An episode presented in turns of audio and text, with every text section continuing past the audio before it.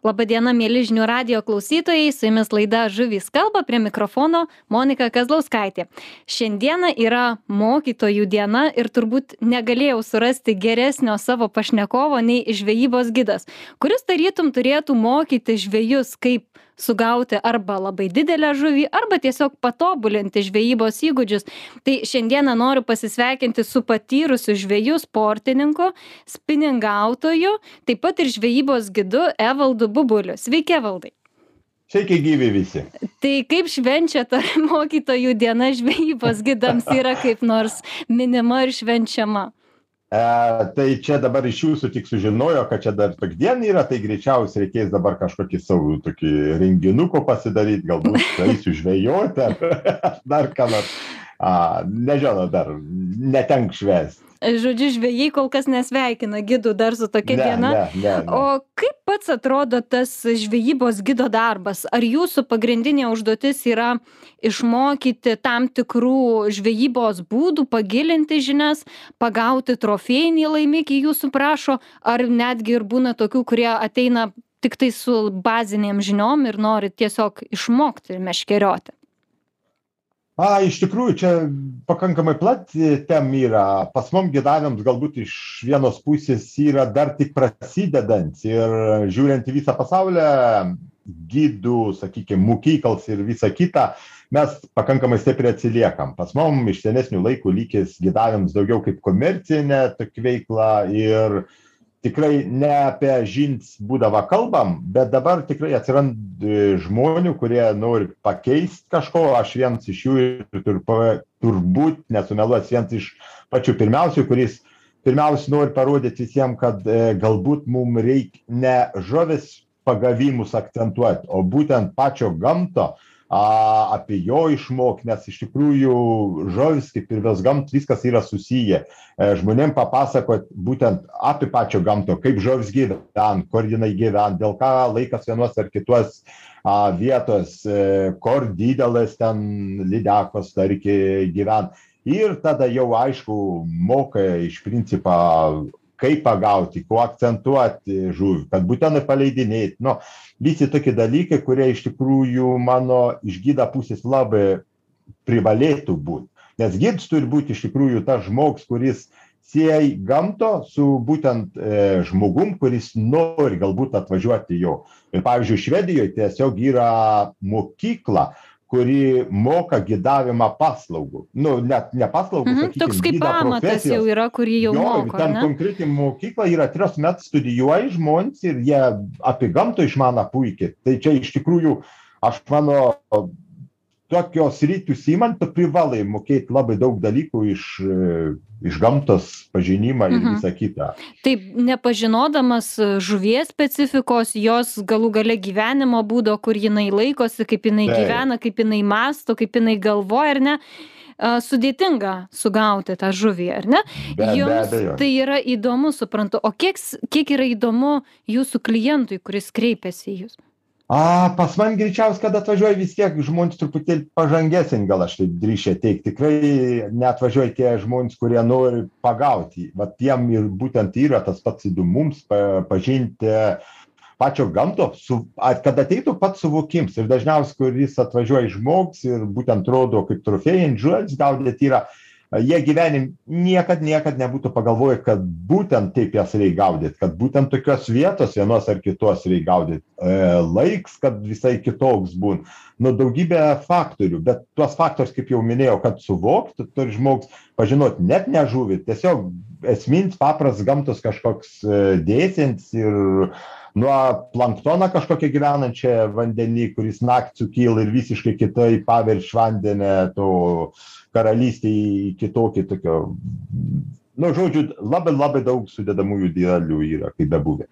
Jūs savaldai gidaujate tik Lietuvoje ir Skandinavijoje? ir skandinavas. Iš tikrųjų gidavėms nėra mano tokia galbūt sakykim toks pagrindinis jau užsiėmims a bet aš labai norėjau kaip ir su sportine žūkla kad parodyt žmonėm kad galim truputėlį kitaip visą to veiklo daryt kad būtent ne per žuvies pagavimų prizmę ir šaldiklių prikišimo viskas eitų kad būtent mes gidai užkeltumėm to kartelį truputėlį aukščiau ir kad galėtumėm žmonėm parodyti išdidžiai, kad vat, gids yra tas žmogus, kuris arčiau gamtos yra negu papras, sakykime, pilietis ar ten gamtos mylėtojas, nes būtent taip ir turi būti. Jūsų žvejybos objektas turbūt yra pagrindinis plėšrūnai, ar ne? Minėjot lydekos, Taip. starkiai. Dabar pats gazas turbūt prasideda, ar ne? Ne, jau viskas, jau pas man perėjai truputėlį kitokie supratimai apie pačio gamto. Tai man vidurvasars identiškai taip pat e, nuostabiausias didžiausias, gražiausias egzempliorius, starkiai 3-8 kg lydekos identiškai taip pat metrinės ir jų iš tikrųjų per pačius didžiausius karščius yra dar daugiau pagaunam negu kaip iš sena vėlgi visiems atrodant, kad rūdienė mets atėjo ir dabar prasidės plėšrūnų mets. Nieka panašus, ten viskas eina truputėlį lėtesnį pusę, yra daug sudėtingiau pagauti.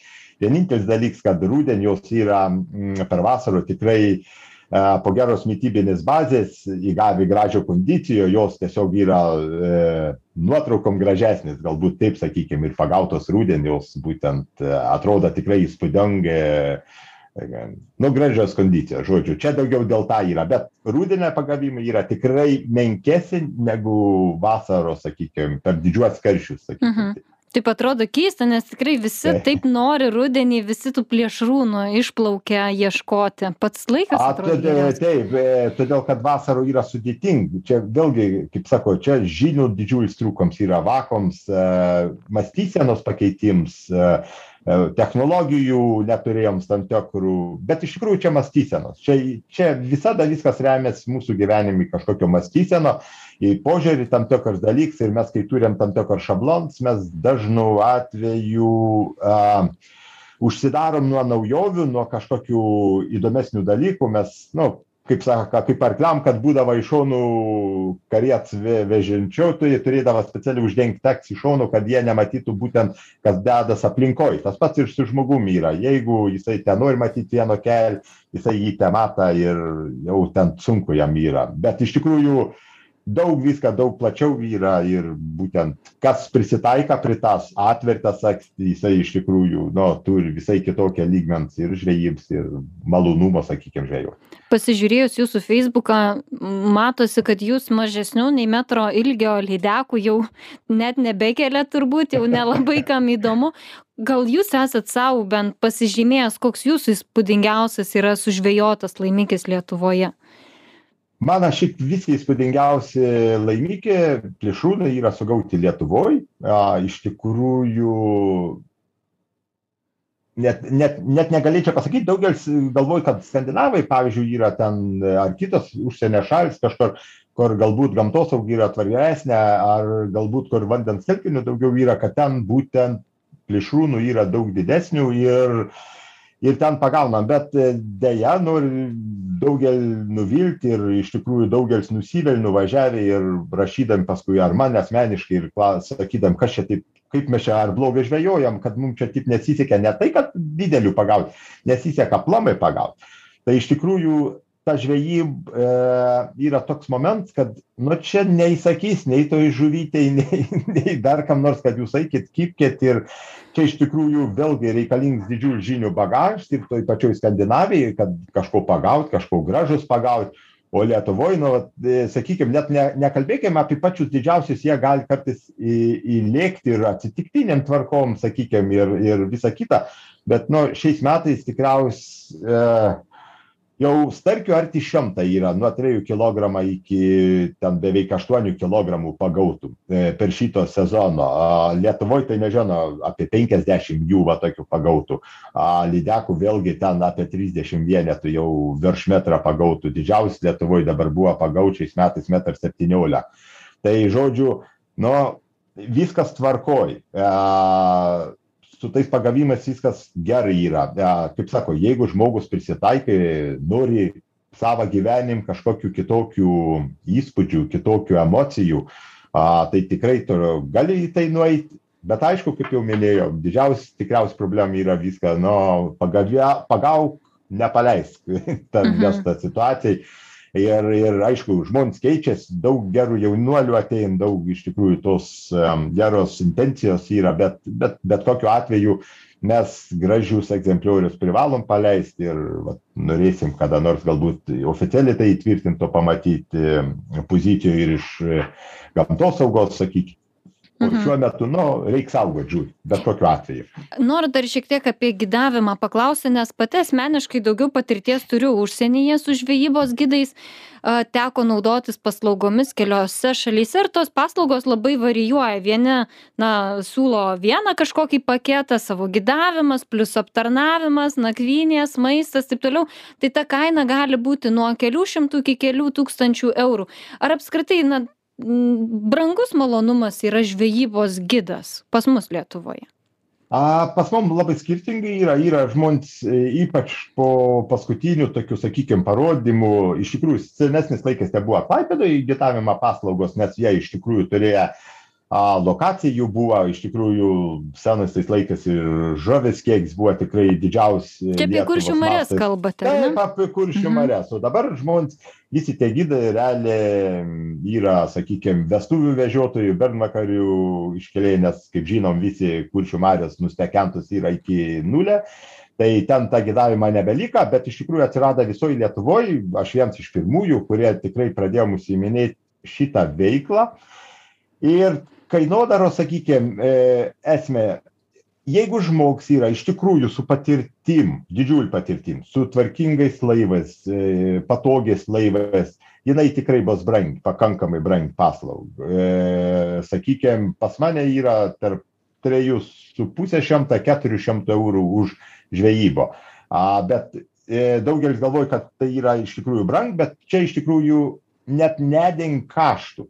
Nes jeigu taip iš įsivaizduot jeigu mes norim kažkokį verslą atidaryt savą a tai dabar įsivaizduokim nusipirkt reik laivą nusipirkt reik variklį Taip. įrangą viso tai kainuoja apie penkiasdešim tūkstančių eurų a tai jau vien tai mes turim atsipirkt iš savo žvejybos gido tada jamam didžiausias problem tikriausiai kurs yra ir visa kita tai iš tikrųjų mokesčiai tai tie keturi šimtai ten apie nieko yra iš tikrųjų o lietuvoj mokančių keturis šimtus nu iš tikrųjų mažai yra Mhm.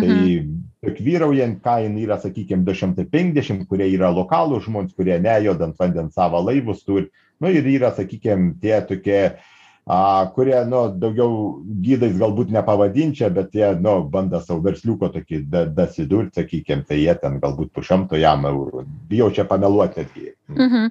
Jūs e, tarp žvėjų yra, jūs esate žinomas žmogus, kuris tikrai daug investuoja į technologijas ir visai neseniai savo Facebook'e pasidalijote įrašų, kur tikrai ir iš mano draugų rato daug kas dalyjosi, komentavo, sako, va, Evaldas, pažiūrėkit, kaip padarė.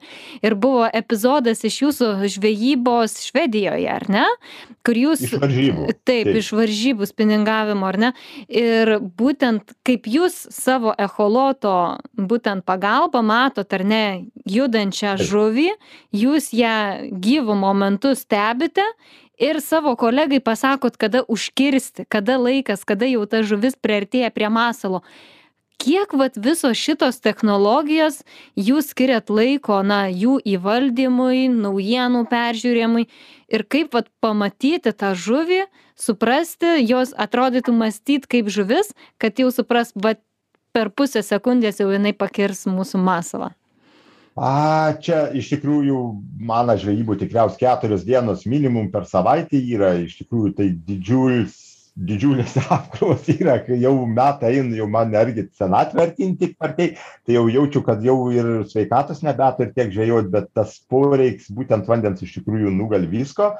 A aš galvoju taip net negalvoju aš tikrai žino kad yra toks momentas kad a, daugelis am, komentuojančių žmonių kartais apie echolotų tuos privalumus a, dažans jie net neturi. Dažnas sako kad tai labai didelis blogis ir kad čia visko išgaudęs ir visa kita.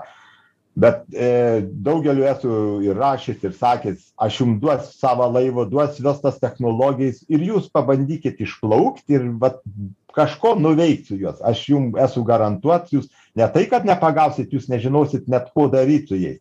Čia tas pats kaip su telefonais išmaniaisiais e, ir man tas pats aš ženu žinutę išsiųst nuotraukų galiu dar pasidaryt ten paskambint bet ten devyniasdešim devynių procentų visų funkcijų net nežino ko su jom daryt. Tas pats yra ir su echolokacijos e, žvejybinėj srity daugelis žmonių turi nusipirkę daugelis kažko naudoja išnaudoja labai mažą jo dalį.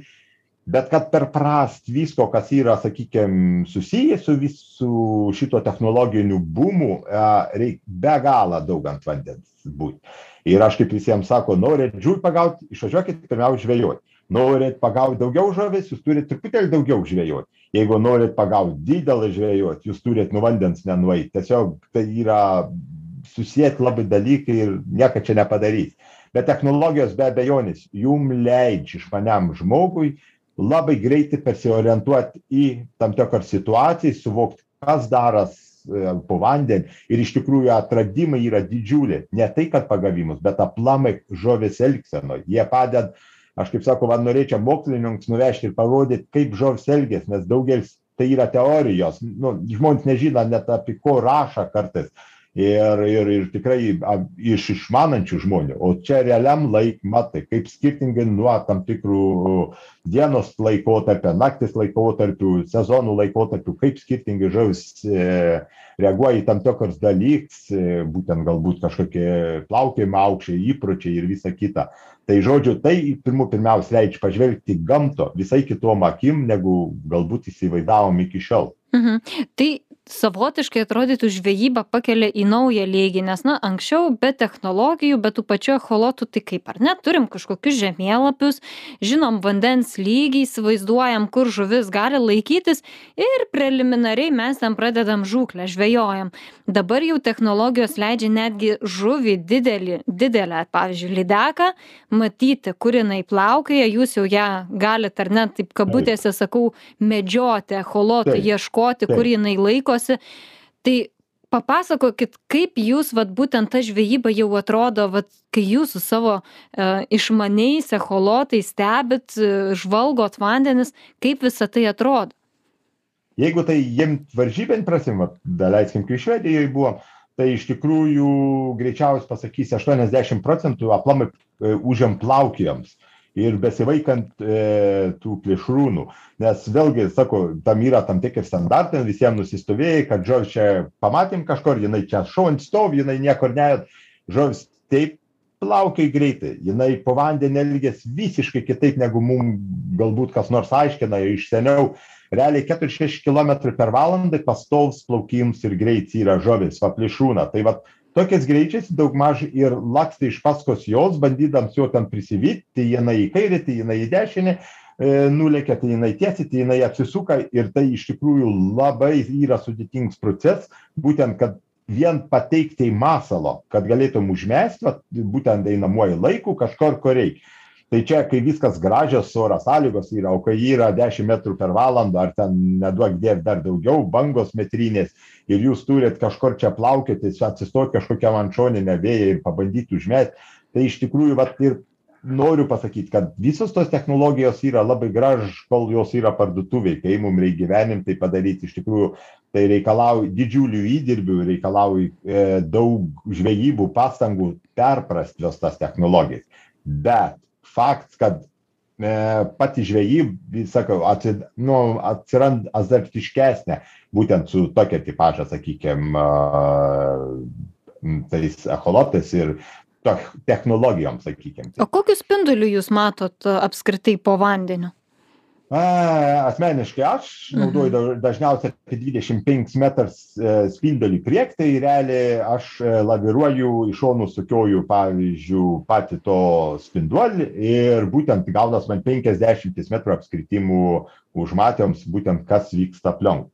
A, bet jau kaip minėjau, mes plaukiam normalių tempų, žiūriam į šonus, tai priek šoną ir, sakykime, radį kažkokį žuvį, bandom jo jau pasiekti savo masalą bet kad jo pasiekt pirmiausia mes turim teisingai atsistot jos atžvilgiu mes turim jo pasivyt ir mes turim nu kažkokiu būdu sugebėt neišbaidyt jos ir užmest o tai būtent ir yra ne taip lengva kaip galbūt pasirodytų a sausai skaitant kažkoks žens ir technologiniams tuos sprendimams Mhm.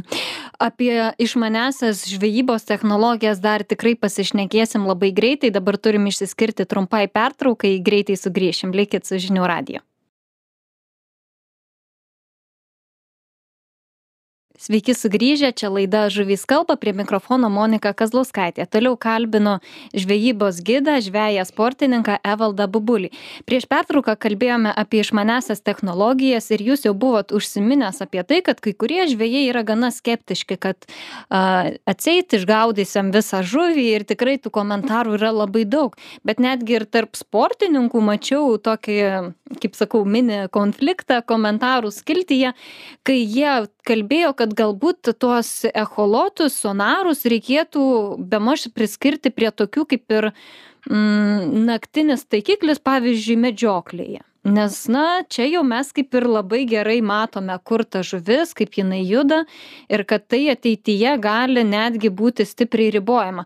Kaip Jūs galvojate, ar toks požiūris yra teisingas, ar bus kažkokių ateityje ribojimų, galbūt kažkur jau pasaulyje jų yra? Čia, čia, čia, čia jokių problemų nėra, sakykime, jeigu kažkam atrodo, kad tai blogai ir bus uždraus, žvėjosim kaip žvėjoji. Aš mano, čia niekaip neįtako žmogaus uh, požiūrė, bet iš tikrųjų pirmiausia, tokios technologijos yra pakankamai brangios ir kad jas uh, turėti savo laivę, tai tikrai uh, maž dalis žmonių tegali tai sau leist tai automatiškai išeliminuoja jau kažkokį to tokį jau platesnį ją naudojimą ir sakykim įtako e, sekantis dalykas aš jau kaip minėjau iš tikrųjų tai praktiškai dešim procentų iš devyniasdešim turinčių būtent tas technologijas visiškai niekaip nesuvok kaip su jom elgtis ir būtent čia žinot kaip sakyt dažnas nusiperka gerą mašiną ir galvoja kad čia kažkaip gyvenimą pakeis nieką jeigu jinai garaže ten stovi lamborghinis ar ferrari tai tikrai jūs ne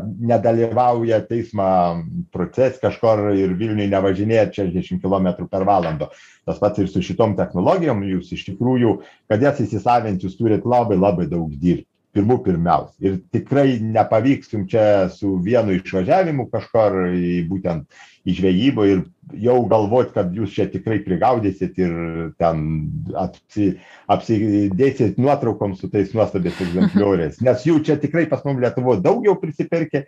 Jeigu pažiūrėt iš vieso iš e, viešosios erdvės tai praktiškai nieks nekeltų jau tokių nuostabių. Yra gal trys keturi žmonės kurie tikrai pagauna ir kaip jau minėjau čia tikrai reikalauja didelių pastangų daug patirties e, suvokimą apie gamtą. Tai nėra vat kaip sakau tik technologijos jūs turit vis tiek žinot kaip elgias žuvys e, tam tikrom sąlygom ir tada taikytis prisitaikyt ir galiausiai Mhm. jūs kad jo ir randat nu jūs jinai nekiomb jinai nu jai nu nieko ten nepadarys jūs galit ten ko norit šūkauti į Nepriprašysi.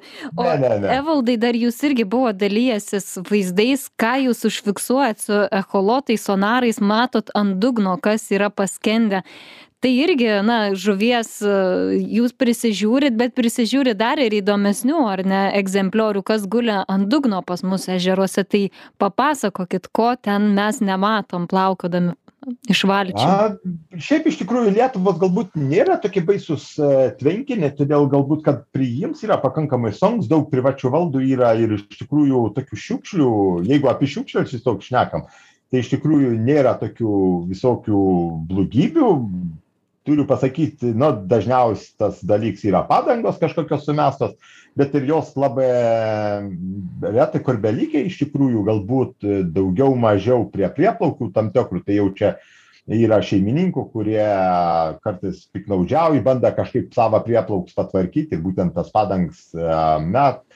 A, bet aišku, esu tikrai daug kur plaukėjęs, matęs ir nuskendusių laivų ir, sakykime, užtvankos užlietos, kur seni namai buvę, tai tikrų, iš tikrųjų įspūdingai atrodo, kai visus akmenys grindin matai, sakykime, nu, tikrai gražų yra. Iš Mhm. tikrųjų, tai toks dalis istorijos, sakykime, atrodo visą. O tokio įdomesnio, va, pažiūrėjau, Skandinavijoje gal irgi kažką esat matęs, nes ten ir laivų, va, ir minėjot valčių kažkokių Jo, jo, yra. jo, tai laivų tikrai daug visokių ir uostus yra tekę, tai didžiulių baržų visokių nuskandintų, yra tekę jūros archipelag, su bičiuliu esam žvejoję jau pakankamai tol. nuo krantą, e, tai sakykime, medinė valtis, jau ne valtis, ten tikrai jau laivs, bet medinis būtent visi, visi greučiai stovėję, lentos dar apkaltos stiebas stovėję visi, tai matas dar visiškai nesuyrės yra, bet tikrai jau toks pakankamai įspūdingas vaizdas atrodo po vandeniu, tikriausiai būtų aplamai labai įdomu pasižiūrėti. Mhm. Pakalbėkime apie sportinę žūklę. Neseniai grįžote iš varžybų Švedijoje. Tai plėšrūnų, ar ne, varžybos buvo e, vienas didžiausių Europų vandens telkinių, ten ežeras buvo, ar ne? Trečias, trečias pagal didumą. Taip, ir kaip ir kiekvienos sportinės varžybos nesvarbu ar tai būtų bėgimas krepšinis futbolas visiem reikia treniruočių pasiruošimo. Kiek laiko žvejys sportininkas skiria pasiruošimui būtent treniruotėms? Prieš pat startą. Kaip atrodė jūsų pasiruošimas? A čia iš tikrųjų mūsų tai kūdai atrodė, mes turėjom dvi su pusę dienos treniruočių truputėlį teorijos turėjom yra tekę žvejoti pavasarį sakykim tam tvenkiny iš kitos pusės bet čia buvo rudeninė žvejyba tai iš tikrųjų tai visiškai apie apie kiti dalykai yra. Ir tokiuose ežeruose iš tikrųjų a treniruočių ten nežinau penkis metrus reik turėt ten yra nu didžiuliai plotai. Plauki plauki į vieno galo matai kranto iki ją daplaukt niekaip negali. Ir čia su šimtą penkiasdešim ar arklių variklis didžiulis laivas ir atrodo nu kas čia o ten ne kas čia. Ten šimts kilometrų ir ten tikrai didžiuliai plotai didžiuliai bangavimai yra ir labai oro sąlygos įtakoja visokiem tokiem sprendimam kur žvejot kaip žvejot.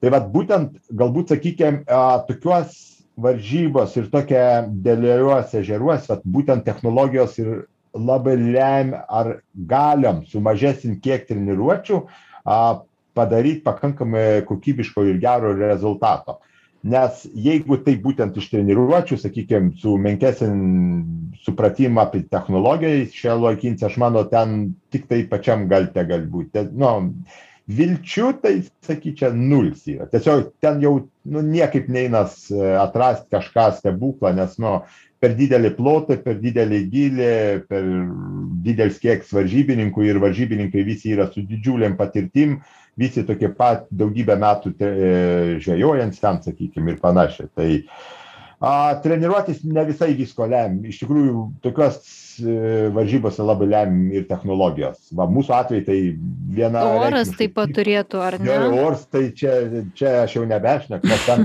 su savo varikliais paskutiniai išplaukinėjom tiesiog nu krenti į dviejų metrų duobes tarp tokių bangų tai ten E, ir saugumo atžvilgiu, nu jau turi pasverti tikrai, ar esi visai pamyšęs ir tiesiog e, rizikuoji viskuom, ar jau truputėlį ramiau plauki, bet bet kokiu atveju, ten jūr, tiesiog tą žodžią prasim jūr yra ir, mhm. bet tuo, ir, tuo ir įdomiau yra. Va tokios varžybos būtent ir leidžia jau pasireikšti viskam, kas tik įmanom, ko tu ir savybę parodėt, kad stiprumo to išmanimo, sakykime. O kiek jos trunka tos varžybos?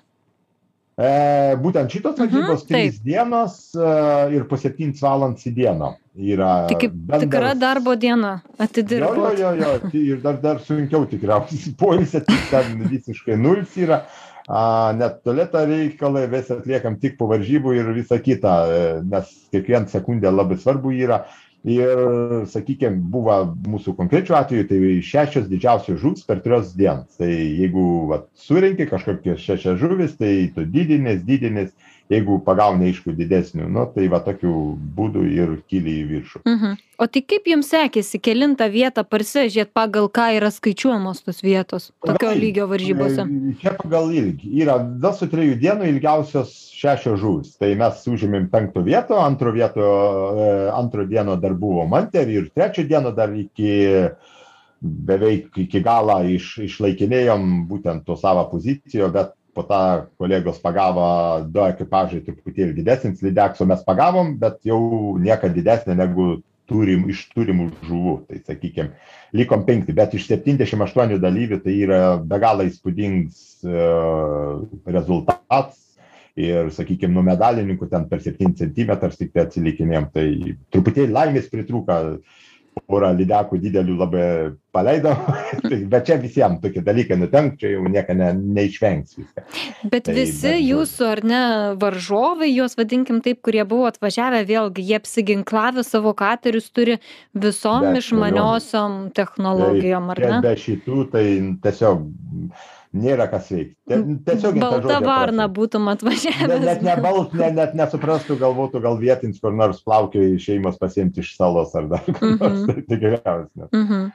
O kur, e, kurie, vad būtent tas, e, čia kaip sako, tik laimė apsprendžia, ar čia vis dėlto ir tas išvalgymas vandens telkinio kažkiek lėmė, vad, kad kas ne, laimė? Tai visko, čia ta, dėl to aš ir sakau, kad e, čia žinios yra, čia tiesiog gamtos išmanioms atradus kažkokio tos vadinamo, sakykime, tokį to kabliuko spėt pritaikyti per tam tikro trumpo laiko ir suvokti, kad vat, būtent tas momentas atras kažkokią mažyčią, mažyčią, a, net nežinau, kaip pavadinti, tokią atradimą, sakykime, ir kad jį pritaikyti savo ateities tom žvejybom per varžybas tai va čia ir yra būtent tą suvokimą ir pritaikymą visų žinių kas tik įmanomi yra ir tada jau melst dievą tiktai kad technik nepavestų ir sakykim viskas e, techninėm prasėm būtų viskas tvarkinga valai netrūktų ten kažkas kabliukai nenuplyštų ar dar kas nors nes techninis brokas irgi labai dažnu atveju apie penkiasdešim procentų ap ap aplėm žvejybos kokybės e, sportinėj žvejyboj Mhm. Techninis broks, taip sakoma. Taip, grįžkim į Lietuvą. Jūs paminėjot, ar ne, kad anksčiau kuršių mariuose buvo tokia kaip žvejybos gidų meka, ar ne? Ten tikrai buvo labai žuvingas vandens telkinys. Mes turim trečdalį kuršių marių, kita dalis priklauso Rusijai. Dabar šiek tiek padėtis kitokia, bet jūs kaip sportininkas irgi esate dalyvavęs varžybose kuršių mariuose, ar ne anksčiau? Tai šiek tiek prisiminkim tuos laikus, kaip sekėsi, kokie laimikiai tuo metu buvo ir kaip dabar, na, tos kuršių kuršių marios atrodo? E, iš tikrųjų, galbūt e, norėčiau pasakyti taip, kad e, kuršių marios jau problemų turi 10 metų. Čia nėra šitų metų, praeitų metų ar užpraeitų metų problemas. Jau realios problemos prasidėjo prieš 10 gerų metų ir jos labai akivaizdžios buvo, nes e, aš kaip visada sakau, geriausias indikatorius yra, kai atvažiuoja papras žmogus iš kažkokio rajono pažvėjoti į tam tikrą tvenkinį. Jeigu jisai negali per trios penk žvejybų sugaut kažkokių, nu, normalesnę kiekį žuvų, tai apsprendž, kad tvenkins iš tikrųjų yra pras. Apie sportininkus nešne, nes sportininkai galbūt žvejoja dienos, sakykime, kaip mūsų atveju, galbūt oro sąlygos kažkokios yra nekokios, bet e, iš kitos pusės sportininkai turi vis technologijas aukščiausias, turi laivus gers daleiskim kaip mūsų lietuvos spiningautojų lygos atveju tai mes galim plaukt kur mes tik norim mes galim nemunu į viršų visas kuršių marias iki sienos galim iki klaipėdos plaukt. A tai rezultatą aš buvau paskaičiavęs ir iš tikrųjų sudėjęs lentelę tai kiekvienam dalyviui per vieną dieną susigauna apie kilogramo kilogramo du šimts plėšrio žuvis. Tai yra ešeriuką a su šapalu čia skaitant jeigu išmetus šapalo iš tikrųjų kuris nemojant sugaunams yra tai tie rezultatai būtų tokie tragiški kad nežino jeigu žmogui per šešias valandas sportininkui tai išein sugauti ten septynis šimtus gramų žuvis vienam žmogui sportininkui. Tai čia yra didžiulė tragedija ir ta tragedija jau kaip minėjau ne trys metai čia atgal prasidėjo o jau nu realiai dešim metų. Nes seniau dar ir atvažiuodavom dar tikrai būdavo galimybė pagaut tos žuvys truputėlį didesnės truputėlį kokybiškesnės truputėlį iš jūros daugiau ateidavo dabar tiesiog jos nu totaliai nebėra totaliai visiškai visiškai nebėra. Plyšio mhm. O kaip su kitais vandens telkiniais, sakėt, pagaun, pagavot Lietuvoje savo visus trofėjinius laimikius, tai lyg ir optimistiškai nuteikė, kad dar... Jo, viskas, viskas pakankamai tvarkoji yra, e, galbūt, e, nes pasikeitė iš tikrųjų ir žvėjų mėgėjų taisyklės, ir dabar nauji pakeitimai yra, sakykime, susimažina jamamų žuvis, kiek yra vienintelis dalykas kuris iš tikrųjų iki šiol labai neatitiks yra šitoj vietoj tai būtent trofėjinės žuvys neapibrėžtums kad būtent daleiskim lydekos kad būtų jos paleidžiamos ten nuo septyniasdešim penkių ar aštuoniasdešimties centimetrų tada tų trofėjų būtų daugiau.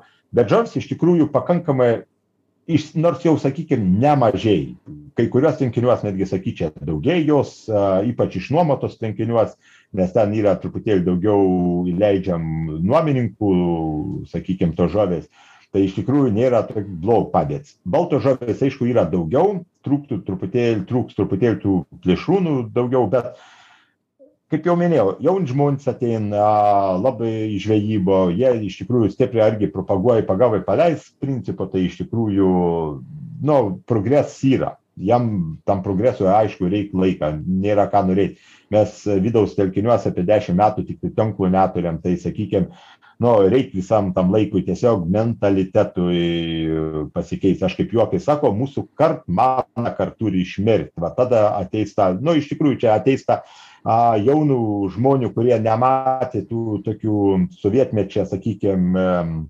pjautynių tų žuvies nešimą į šaldykles ir kišimą tai čia yra viskas normalu ir nu turim sakykim pasikeist kartos vien antrą ir iš tikrųjų bus viskas tvarkoj aš manau čia be problemų. Oi evaldai kad jūsų žodžiai dievui į ausį ir tikrai ta karta pas mus keičiasi ir labai smagu matyti tuos pokyčius dėkui kad skyrėt man savo laiko pasidalijote savo žiniom savo visa žvejybine patirtim. Dėkui visiem klausytojam kurie buvo kartu su mumis klausėtės mūsų o mes apie žuvis ir žuvų pasaulį toliau kalbėsime jau kitą trečiadienį laidoje žuvys kalba. Primenu kad šiandieną kalbėjausi apie žvejybą su žvejybos gidu evaldu bubuliu ir prie mikrofono buvau aš monika kazlauskaitė. Dėkui visiems ir iki kitų kartų iki malonaus